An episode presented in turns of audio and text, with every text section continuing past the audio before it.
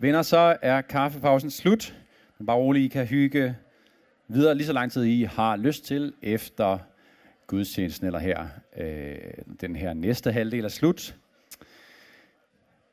I just want to say, I think we didn't mention that in the beginning, but there is translation. If anybody needs translation into English, then in this corner, I know that Benjamin is ready to translate for you. So, og så tager jeg resten på dansk. Det har det bedst med. Øh, jeg hedder Simon, fordi jeg er som måske ny her i dag, eller på besøg. Og øhm, jeg er en af præsterne her i kirken. Jeg flyttede sammen med min familie, eller sammen med Anne, min kone, som også er præst her, og vores børn, eller vores et barn på det tidspunkt, der flyttede vi herover for to og et halvt år siden til jul, for at være med til at plante den her kirke. Og det har været virkelig, en virkelig spændende eventyr faktisk. Jeg kommer ind på det lidt mere om, hvordan det foregik lidt senere i talen her. Øhm, fordi i dag, det som vi skal bruge den her eftermiddag, eller resten af den her eftermiddag, sammen om, det er nemlig noget med at være sendt. Og det er noget med at være tændt, og så er det noget med at være Guds her. Fordi lige øh, de her uger her opstart, den her sæson, der kører vi et tema, som hedder Vi elsker kirke. Og det gør vi for at minde os selv og hinanden om, hvad det egentlig er, vi har gang i her i Aarhus Vineyard. Det er også for, at dig, som er ny, måske her i byen eller ny i kirken, kan få sådan lidt et indtryk om, hvad er det egentlig for en kirke, vi drømmer om at være. Og øh, så vi kører det her tema, hvor vi tager udgangspunkt i fire forskellige ting, øh, som kirke kan være, eller kaldet til at være. Fordi John Wimber, der var ham, der var sådan den primære grundlægger af Vineyard, han sagde nemlig sådan her, The church is called to be a family, a hospital, a school and an army. Der kan I se John Wimber. Det, det, jeg tænker tit over, når jeg ser ham, at øh, de fleste andre kirkebevægelser, de har sådan en mega sej, sådan lidt pumpet, eller i hvert fald muskuløs fyr med tatoveringer og læderjakke som leder. Og øh, vi har så John Wimber. Så var kendt for at optræde i Hawaii-skjorte, faktisk det meste af tiden, eller optræde, når han skulle, når han skulle tale, så kom han i sådan en lidt for stor Hawaii-skjorte. Han var også lidt for tyk, og, men han havde skæg, og det er meget hipstagt, synes jeg, så det der værd at fremhæve. Men nej, men se det her med de her fire hoved, kan man sige, kernepunkter, som kirken er kaldet til at være. Det handler om, at vi vil gerne være en familie, det snakkede Anne om for to uger siden, hvor enhver kan finde et hjem og et fællesskab og tilhøre. Ikke fordi vi er samlet om den helt rigtige filosofi eller ideologi, eller fordi vi er ens, fordi det er vi ikke.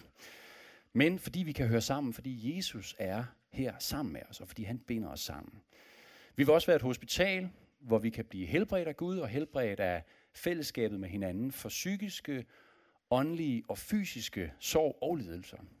Vi vil også være en skole, hvor vi bliver udrustet til livet, og særligt til livet som efterfølger af Jesus. Og endelig, og det er det, som det skal handle om i dag, så vil vi være en hær, som er med til at udbrede Guds rige overalt, hvor vi går, fordi at vi bærer hans autoritet og hans fred og hans kraft og hans kærlighed med.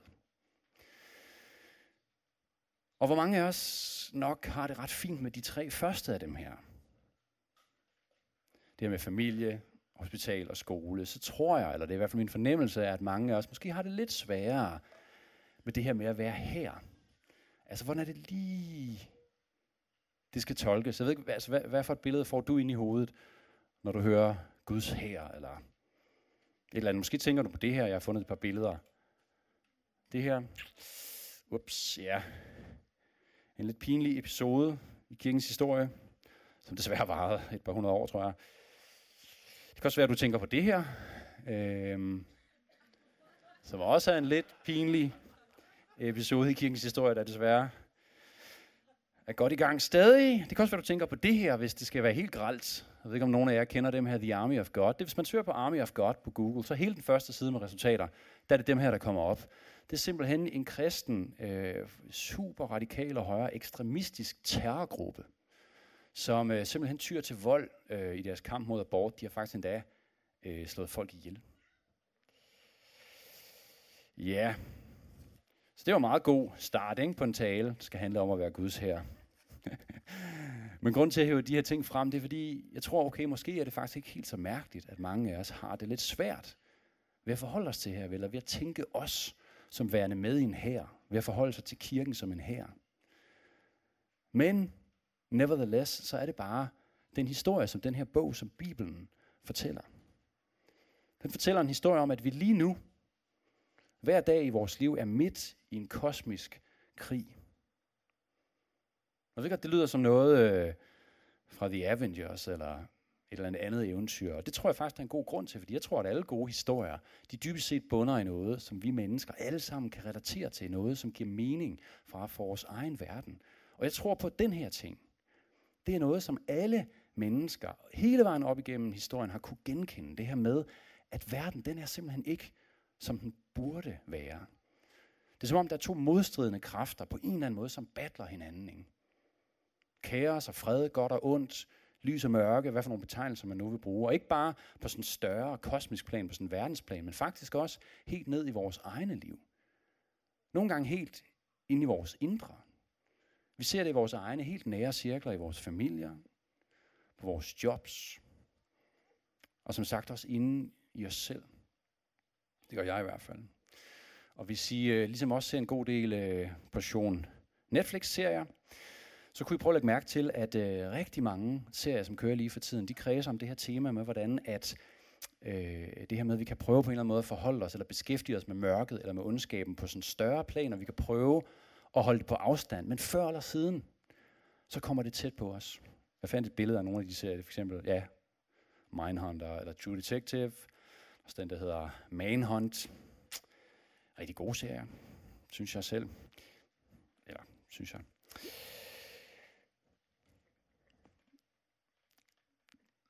Men pointen er, at øh, Bibelen, den bakker faktisk op om den her historie.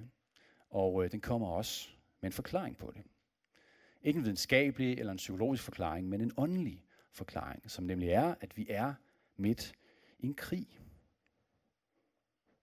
The church is called to be a family, a hospital, a school and an army. Og så prøv at høre her, hvordan Wimber han faktisk fortsætter det her citat.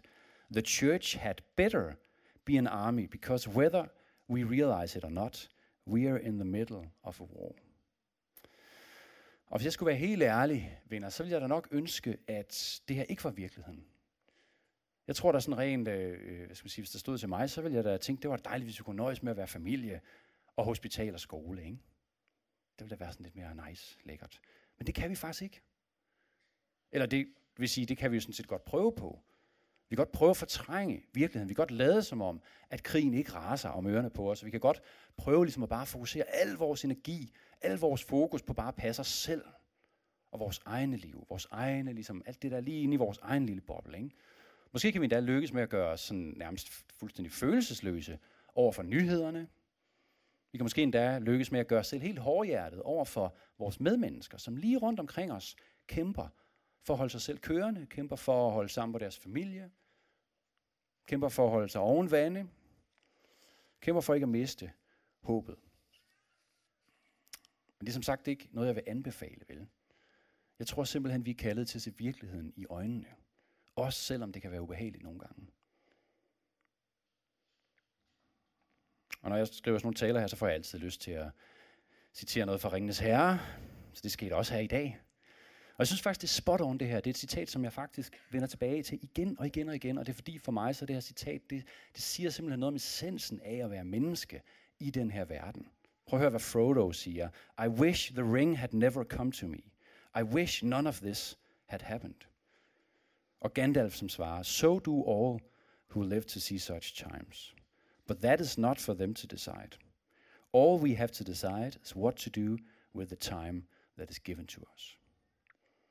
Fordi uanset om vi kan lide det eller ej, så fortæller Bibelen os, at vi er midt i en krig, præcis ligesom Frodo. For de af jer, som har, og det håber jeg sandelig, I alle som har set filmen, ellers er det hjemme at se, nej. Øhm, men altså, lige pludselig ud af det blå, ikke, og fuldstændig ufrivilligt, så er Frodo bare midt i en krig. Lige pludselig så har han de der narskuld på nakken.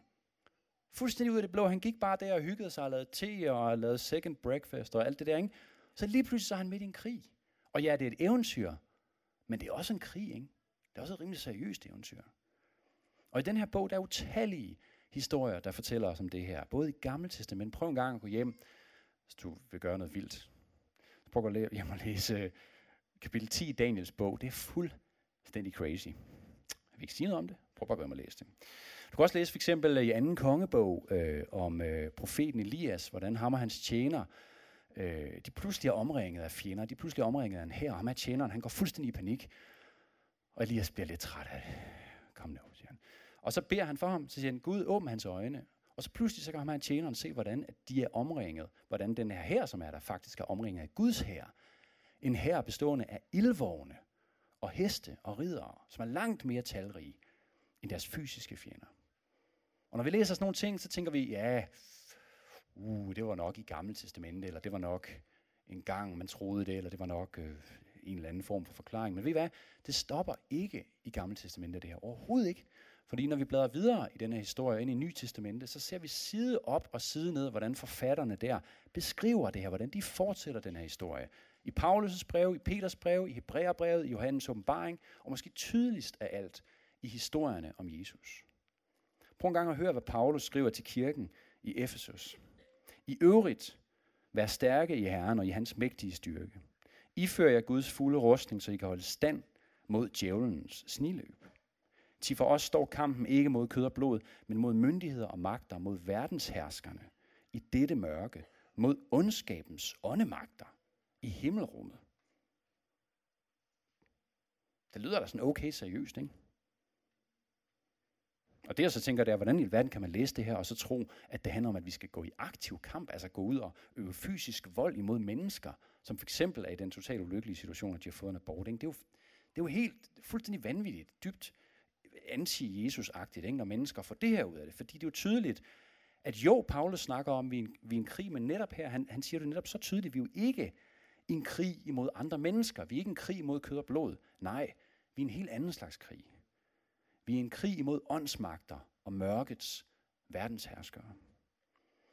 Og hvis man læser videre, det kan I også gøre nu, I lige er i gang med at læse, i Bibelen, så øh, her i Efeserne 6, så efter det, så fortsætter han med at fortælle os, at vi skal tage en rustning på, og det er et metafor, han bruger for at beskrive, hvilke forholdsregler vi skal tage, netop fordi vi er i en krig.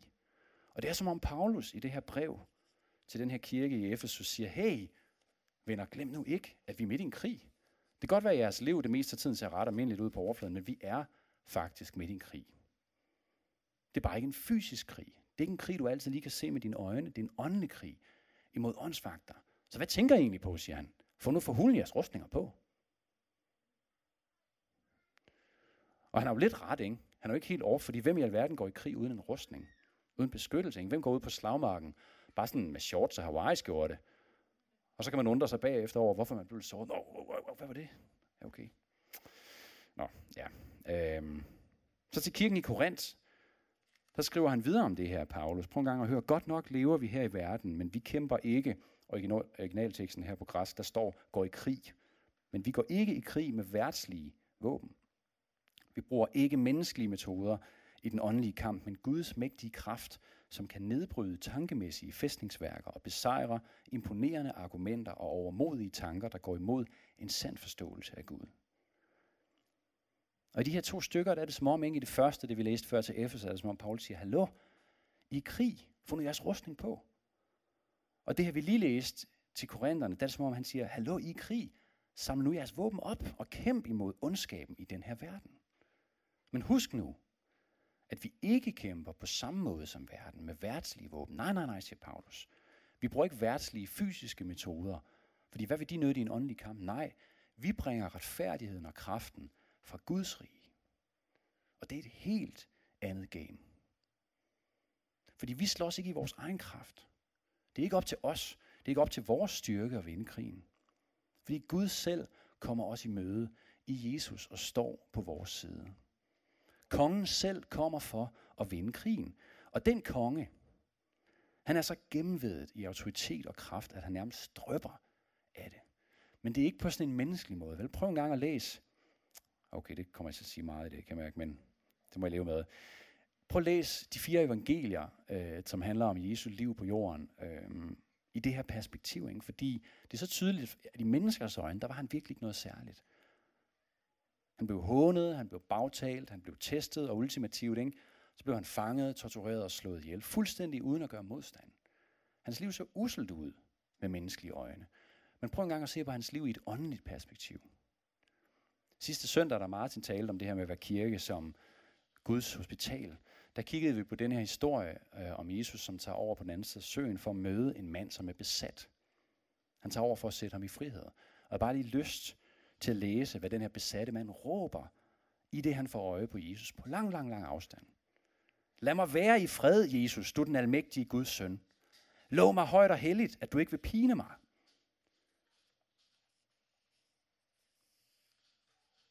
Jesus han var og er så gennemvedet af autoritet, at dæmonerne og de onde ånder selv på lang afstand frygtede ham.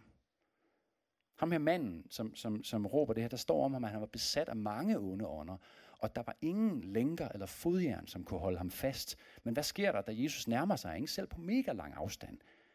Så bliver han så fyldt af frygt, at de tigger, at han tigger Jesus om, at han vil lade dem være i fred. Jesus har ikke engang sagt noget endnu, vel? Men de er helt desperate af frygt, de her ånder, fordi de ved, de har ikke en chance over for himlens kongesøn. Og sådan var det overalt, hvor hans færdedes. Det er nærmest som om, det er nærmest som om de onde ånder sådan kryb frem af alle deres skjul. De kom ud af skabe og ud af krone overalt, hvor Jesus gik. De kastede sig ned for ham. Og han behøvede bare sige et ord, så måtte de tige og gøre præcis, som han befalede. Tidligere i Markus, hvor den her historie også er fra, helt i begyndelsen øh, faktisk øh, i kapitel 1, da han sammen øh, med disciplene i sådan en synagoge, som er sådan en slags kirke for jøder. Og så lige der midt i gudstjenesten, der er en dæmon, som begynder at råbe til Jesus.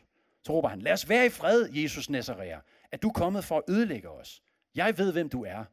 Du er Guds hellige søn. Prøv at forestille dig, hvis det skete her i dag. det havde været noget et show, ikke? Det sker midt i en gudstjeneste i en synagoge. Og de her ånder, de freaker helt ud i mødet med Jesus, fordi de har ikke en chance. Og det bliver rimelig tydeligt for alle de tilstedeværende, at Jesus han er ikke nogen helt almindelig rabbi, altså det vil sige lærermester. Han har ikke bare noget visdom, eller en eller anden smuk filosofi, eller nogle interessante idéer. Nej, han har reel autoritet fra himlen.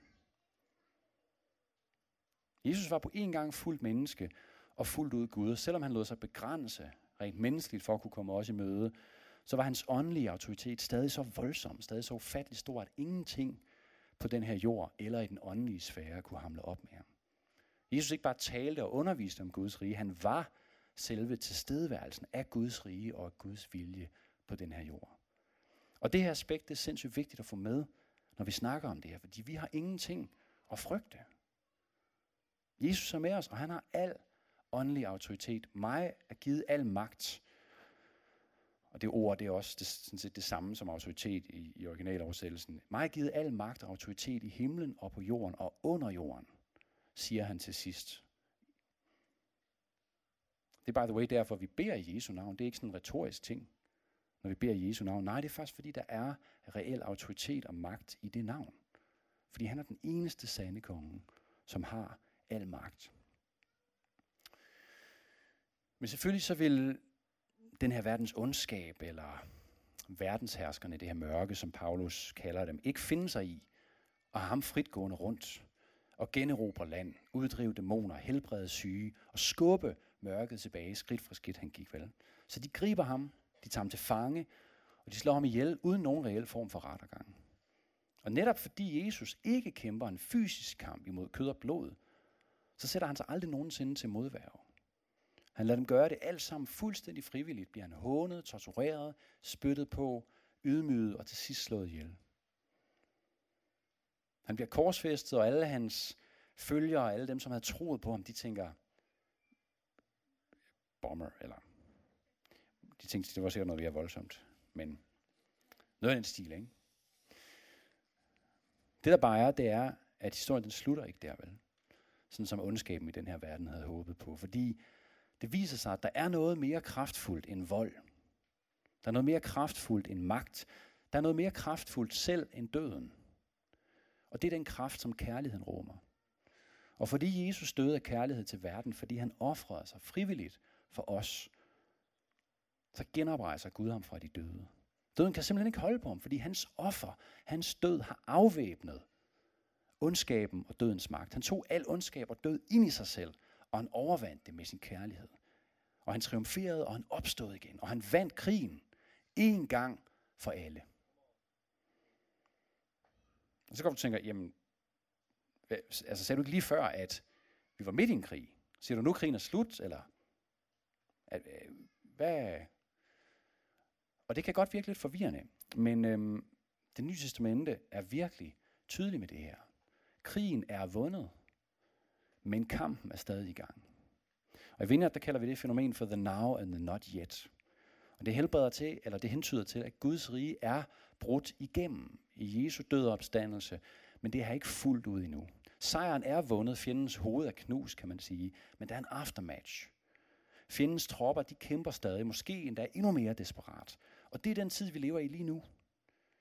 Og vi ser det her hver eneste dag, når vi åbner nyhederne, her i Aarhus, endda i vores egne liv. Der er så meget omkring os og i os, som ikke er underlagt hans vilje, som ikke er indlemmet i hans kærlighedsrige. Og den bedste algori, som beskriver det her på en, på en logisk måde, øh, det er noget, som øh, en masse forskellige teologer har benyttet sig af lige siden 18. verdenskrig.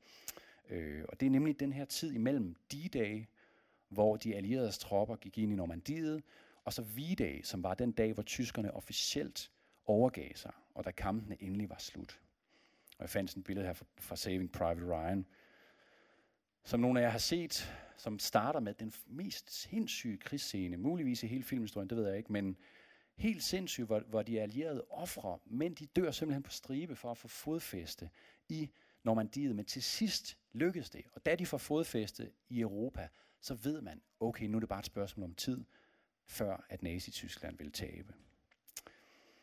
Der er en teolog, der beskriver det her på den her måde. The decisive battle, altså det afgørende slag, of all human history was fought when in the life, death and resurrection of Jesus God invaded a world ruled and tormented by the dark powers of evil. But the final victory of God over them will come only with final triumph of the risen Christ at the end of history. Between the times, det er altså det her D-dag og V-dag, between Easter and the end, the deadly battle between God and the powers of darkness still goes on, but the victory of Christ that has been won is the guarantee of the final victory that is surely on the way. Så selvom krigen er vundet, så lever vi stadig i eftervejerne. Fjenden har ikke overgivet sig endnu, men kæmper som en desperat for at beholde alt det land, alt de territorier, han har. Og det er præcis det, vi ser rundt omkring os hver eneste dag i verden. Uforklarlige, forfærdelige og onde ting sker. Også for os selv igennem livet, uden at vi kan forklare det.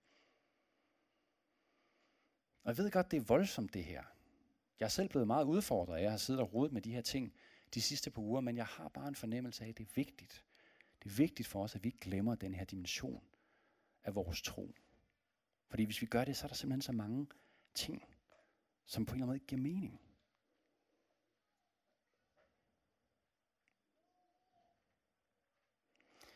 Jeg tror, at det, der sker, hvis vi begynder at på en eller anden måde tage det her perspektiv til os, at vi faktisk lever i en ongoing krig, så begynder vi simpelthen at se verden på en helt anden måde.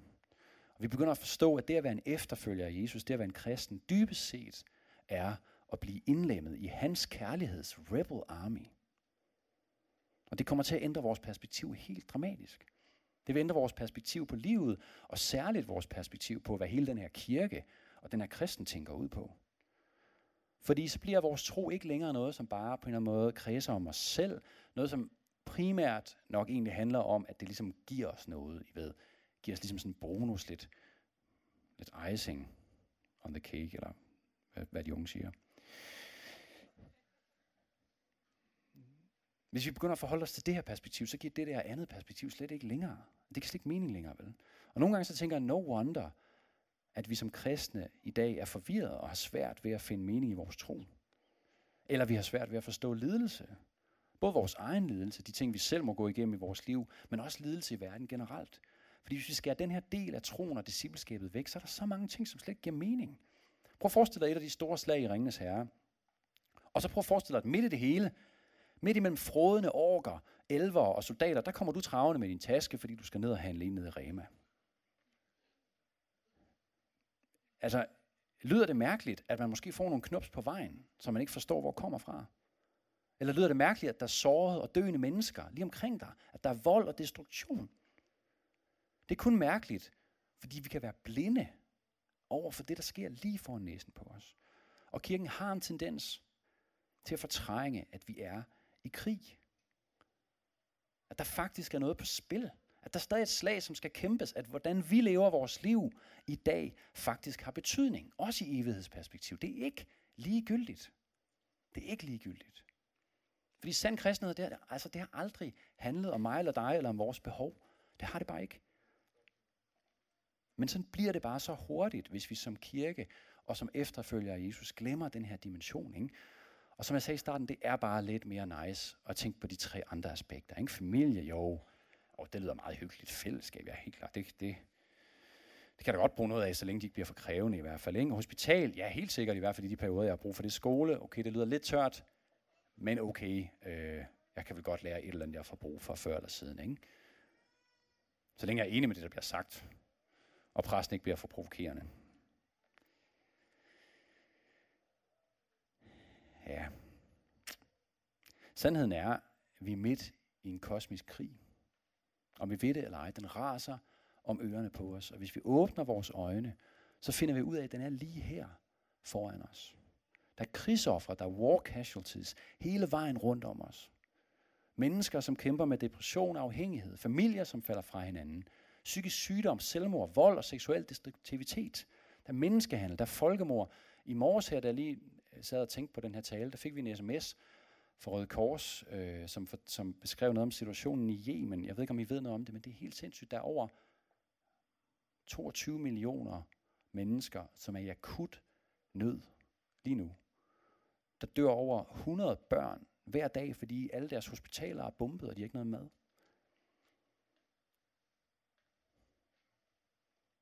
Det er derude, ikke? Og lige nu, jeg ved godt, vi sidder her, og det er meget rart, eller hvis jeg havde talt om noget mere rart, så var det meget rart. Men vi har i hvert fald kaffe og jeg ved. I vores dages kirkeliv, der snakker vi meget om at være sendt. Det ved jeg ikke, om du har stødt på det begreb, at vi er sendt. Ligesom at Jesus var sendt til verden, så er vi også sendt til verden. Og det er jeg helt enig i, det er vigtigt, at vi forstår det. Men det er bare kom til at tænke på, da jeg sad med det her, det er, at jeg har egentlig lyst til at stille dig et andet spørgsmål i dag. Fordi en ting er, at vi er sendt. Det er jeg sikker på, at vi alle sammen er lige der, hvor vi er. Lige der, hvor vi sidder, om det er studier, eller arbejde, eller venner, eller familie. Vi er sendt, og vi har mulighed for at bringe Guds rige der. Men noget andet er, om vi er tændt. Altså tændt som i, at vi vågne. Tændt som i, fatter vi overhovedet, hvad der foregår. Tændt som i, lever vi vores liv bare på en lille smule, som afspejler, at vi faktisk er i en krig. Som jeg sagde i starten, så flyttede øh, Anna og jeg herover for to og et halvt år siden fra København for at plante den her kirke, og vi havde begge to oplevet meget, meget tydeligt, at Gud talte til os hver for sig faktisk. Og vi vidste begge to, at jo, vi havde et valg, men vi følte bare, at vi er nødt til at respondere på den her invitation. Vi kendte ikke nogen mennesker her i byen, og jeg tænkte, hvad, okay, hvad i alverden? Og jeg havde, hvis jeg skal være helt ærlig, det her sådan lidt, eller meget naive billede af Aarhus som sådan en meget pæn by. Meget sådan, Nå, men det, de har det godt der, de har det der kunstmuseum med en regnbue, og de går rundt og hygger sig, drikker latte, jeg ved godt, det var naivt, ikke? Men da så, øh, den dag, hvor Gud talte til mig, der var jeg på vej hjem fra arbejde, jeg cyklede. Og da jeg så kom hjem, så kunne jeg slet ikke overskue sige noget til Anne om det, så jeg gik ud på toilettet øh, og sad med min telefon og googlede på Aarhus, ligesom i lidt desperat skrig til Gud, sådan, Gud, hvor, hvad, hvorfor det? Hvorfor er det den her by? Vi kender ikke nogen mennesker, der er. Har de det ikke bare rart, eller hvad? Hvad er ligesom meningen? Og så faldt jeg over den her artikel, som jeg har taget et screenshot af her som hed Dæmonerne kommer efter klokken 24. Og øh, den artikel, den handlede om en pige, som hedder Rosa, som havde levet i prostitution, fra hun var 14 år gammel. Og øh, det, den handlede om, det var, at hende her Rosa, hun ville faktisk rigtig gerne ud af prostitution. Hun ville faktisk rigtig gerne have et normalt liv, men det var simpelthen næsten umuligt, eller faktisk umuligt for hende. Hun sagde sådan her, eller udtalte sig sådan her i artiklen, og det gjorde simpelthen noget i mig, da jeg læste det her. Jeg vil gerne have, at mennesker ser mig og ikke kalder mig prostitueret. Jeg vil meget gerne have venner og veninder. Men det kan man ikke, når man er luder. Ingen vil have mig.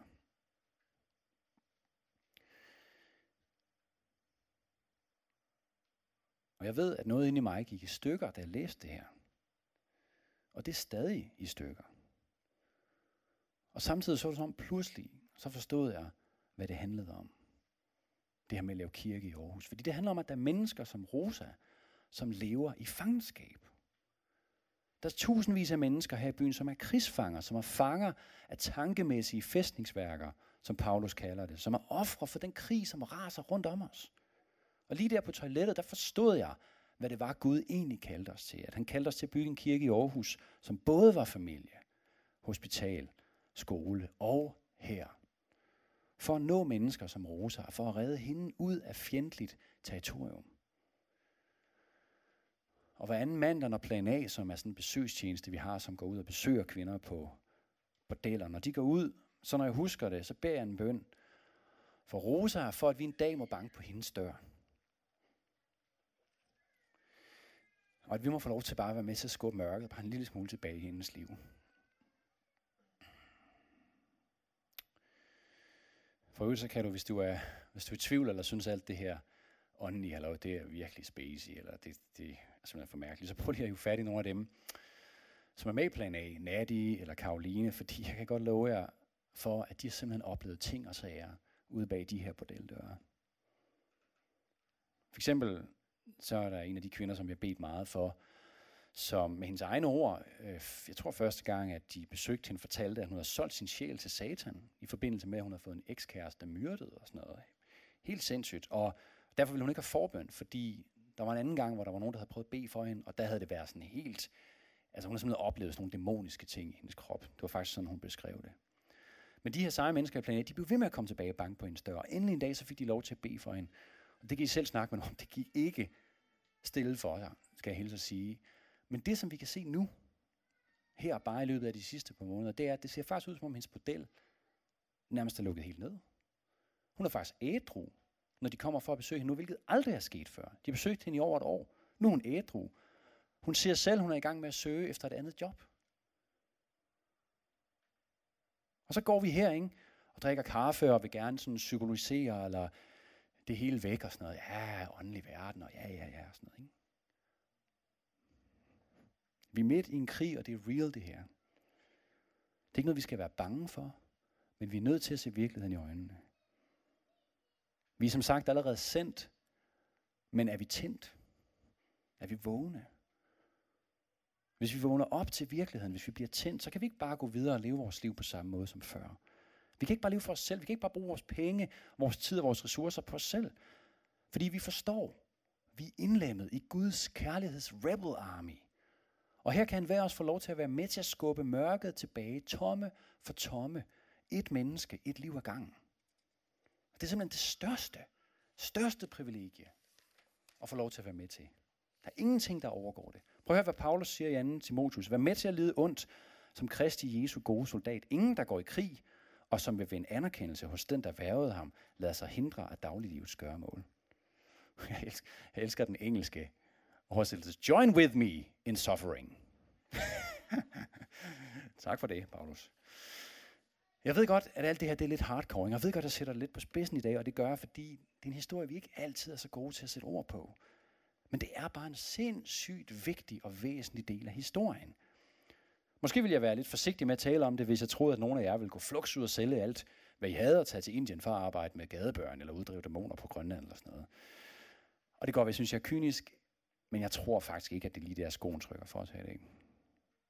Jeg tror mere, at vi er fare for at havne i den anden grøft, hvor vores tro og vores kirkeliv dybest set handler om os selv. Det kan jeg i hvert fald se, det er det, der er faren for mig. Du kan bedst selv vurdere, hvad der er gældende for dig. Samtidig så er der et hvert menneskes liv sæsoner, og jeg har selv prøvet flere gange i mit liv at være i en sæson, hvor jeg simpelthen bare havde brug for at være på hospitalet. Eller hvor jeg bare havde brug for simpelthen at opleve mig elsket af familien. Og det, der er vigtigt for mig at sige, det er, at hvis du er her i dag, og du har det på den måde, så vil jeg bare sige tydeligt til dig, at du er så velkommen her. Også selvom du slet ikke kan se dig selv tage del i den her kamp lige forløbig, okay? Det er virkelig vigtigt. Det er derfor, vi har de her fire måder at definere kirke på. Jeg vil slutte med at fortælle en sidste historie. Og det er sådan en slags tankeeksperiment, hvor man kunne lukke øjnene, hvis man har lyst. Forestil dig, at du bor i Aarhus. Ja. Øh, jeg tænker, jeg vil gøre det lidt nemt for jer her til sidst. Men forestil dig, at du bor i Aarhus, og det kan du egentlig godt lide. Der er bare kun én ting, som går der på. Øh, det er jo, at der er næsten et halvt år hvert år hvor det er jo bare koldt og nederen. gråt vinter. Du har egentlig klaret dig godt igennem livet, du har arbejdet hårdt, du tænker, ah, men har jeg egentlig ikke fortjent at gøre noget godt for mig selv? Jo, det har jeg, tænker du. Så du køber et lille feriehus på Hawaii. Hawaii, ikke? den her fantastiske ø, hvor vejret er altid er godt, hvor folk er glade, hvor man kan spise ude for cirka 14 danske kroner for et måltid, man kan drikke cocktails til det halve. Og dit feriehus, det ligger på den sydlige del af øen, kun 5 km fra Honolulu, og helt ned til vandet. Det er nærmest et rent paradis. For at fejre det, så beslutter du dig for at holde en ordentlig forlænget juleferie med dine børn. Du hopper på flyet 1. december med hele familien, pakker taskerne, og alting er perfekt. Der er bare et catch. Og det er, at det er 1941. Og når jeg, du fik huset lidt billigere, fordi det ligger tæt på en militærbase ved navn Pearl Harbor. Du ankommer sent om aftenen, og dagen efter den 7. december, så står du op, du laver dig en god kop kaffe, går ud for første gang for at nyde udsigten på verandaen. Men der er noget, der ikke er helt, som det skal være. Der er sådan en summende lyd over dit hoved, og da du kigger ud over havet, så kan du se krigsfly på himlen, så langt øjet rækker. Og der går kun få sekunder, før de rivende drøn begynder, da de dropper deres bomber over Pearl Harbor. Og pludselig fra den ene dag til den anden, så er USA med i den verdenskrig, som de ellers havde forsøgt så hårdt at holde sig ud af.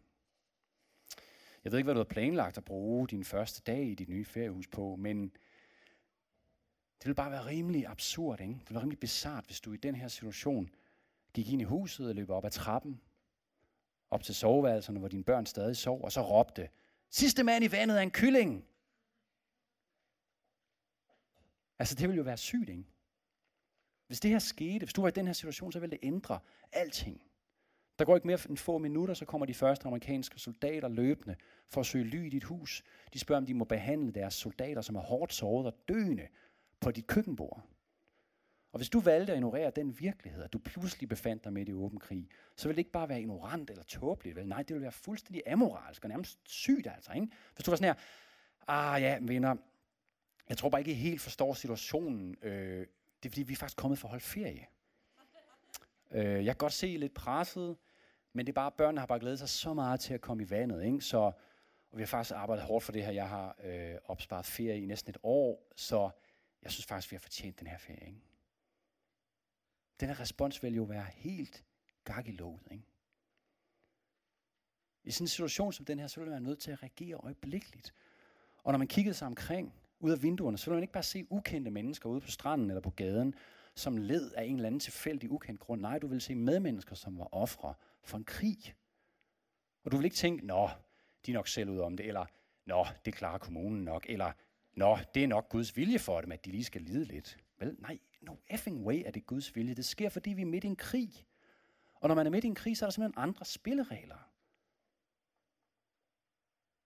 Hvis det her det er rigtigt, så ændrer det alting. Det ændrer, hvordan vi bruger vores liv, vores ressourcer og vores penge. Fordi det er ikke bare et spørgsmål om, som er op til os selv længere, vel? Det er pludselig et moralsk anlæggende. I krigstid, der bruger man simpelthen sine penge anderledes. Man bruger sin tid anderledes. Ikke fordi krigen afhænger af os, fordi det gør den ikke. Men fordi Jesus er i gang, og fordi vi er hans rebel army. Og vi kan faktisk med vores tid, med vores penge, og vores ressourcer gøre en virkelig forskel. Ingen, der går i krig, og som vil vinde anerkendelse hos den, der værvede ham, lader sig hindre af dagliglivets gøremål, siger Paulus. Hvis det er det rigtigt, så ændrer det også noget andet, nemlig alting omkring vores åndelige liv. Bøn, tilbedelse, hvile, bibellæsning, faste, fællesskab og andre troende. Det er pludselig ikke noget, vi gør, fordi det ligesom er det rigtige at gøre. Det er noget, vi har lært som børn. Nej, vi gør det, fordi det er rustning, og fordi det er våben til den krig, vi står i.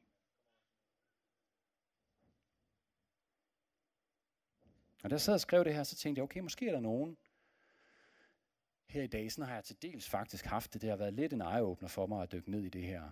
Måske er der nogen af jer, der har det på samme måde, at de faktisk har oplevet at gå rundt på den her slagmark, uden overhovedet at fatte, hvad det var, der skete. Bare være sådan, nå, hvor, okay, hvor kom det der fra? Du havde lige fået et svær i, i benet og sådan, nå, okay, det var da mærkeligt. Og det er faktisk, øh, må jeg desværre fortælle dig, ikke helt unaturligt. Fordi hvis du er en efterfølger af Jesus, hvis det er noget, du dyrker, hvis det er noget, du bekender, så har du simpelthen den uniform på. Så kan man godt komme til at stå for skud. Det kan også være, at nogle af jer har tænkt, okay, det er faktisk et meget nyt perspektiv for mig, det her. Men det der med at være en del af en rebel army, det kunne jeg måske egentlig godt tænke mig.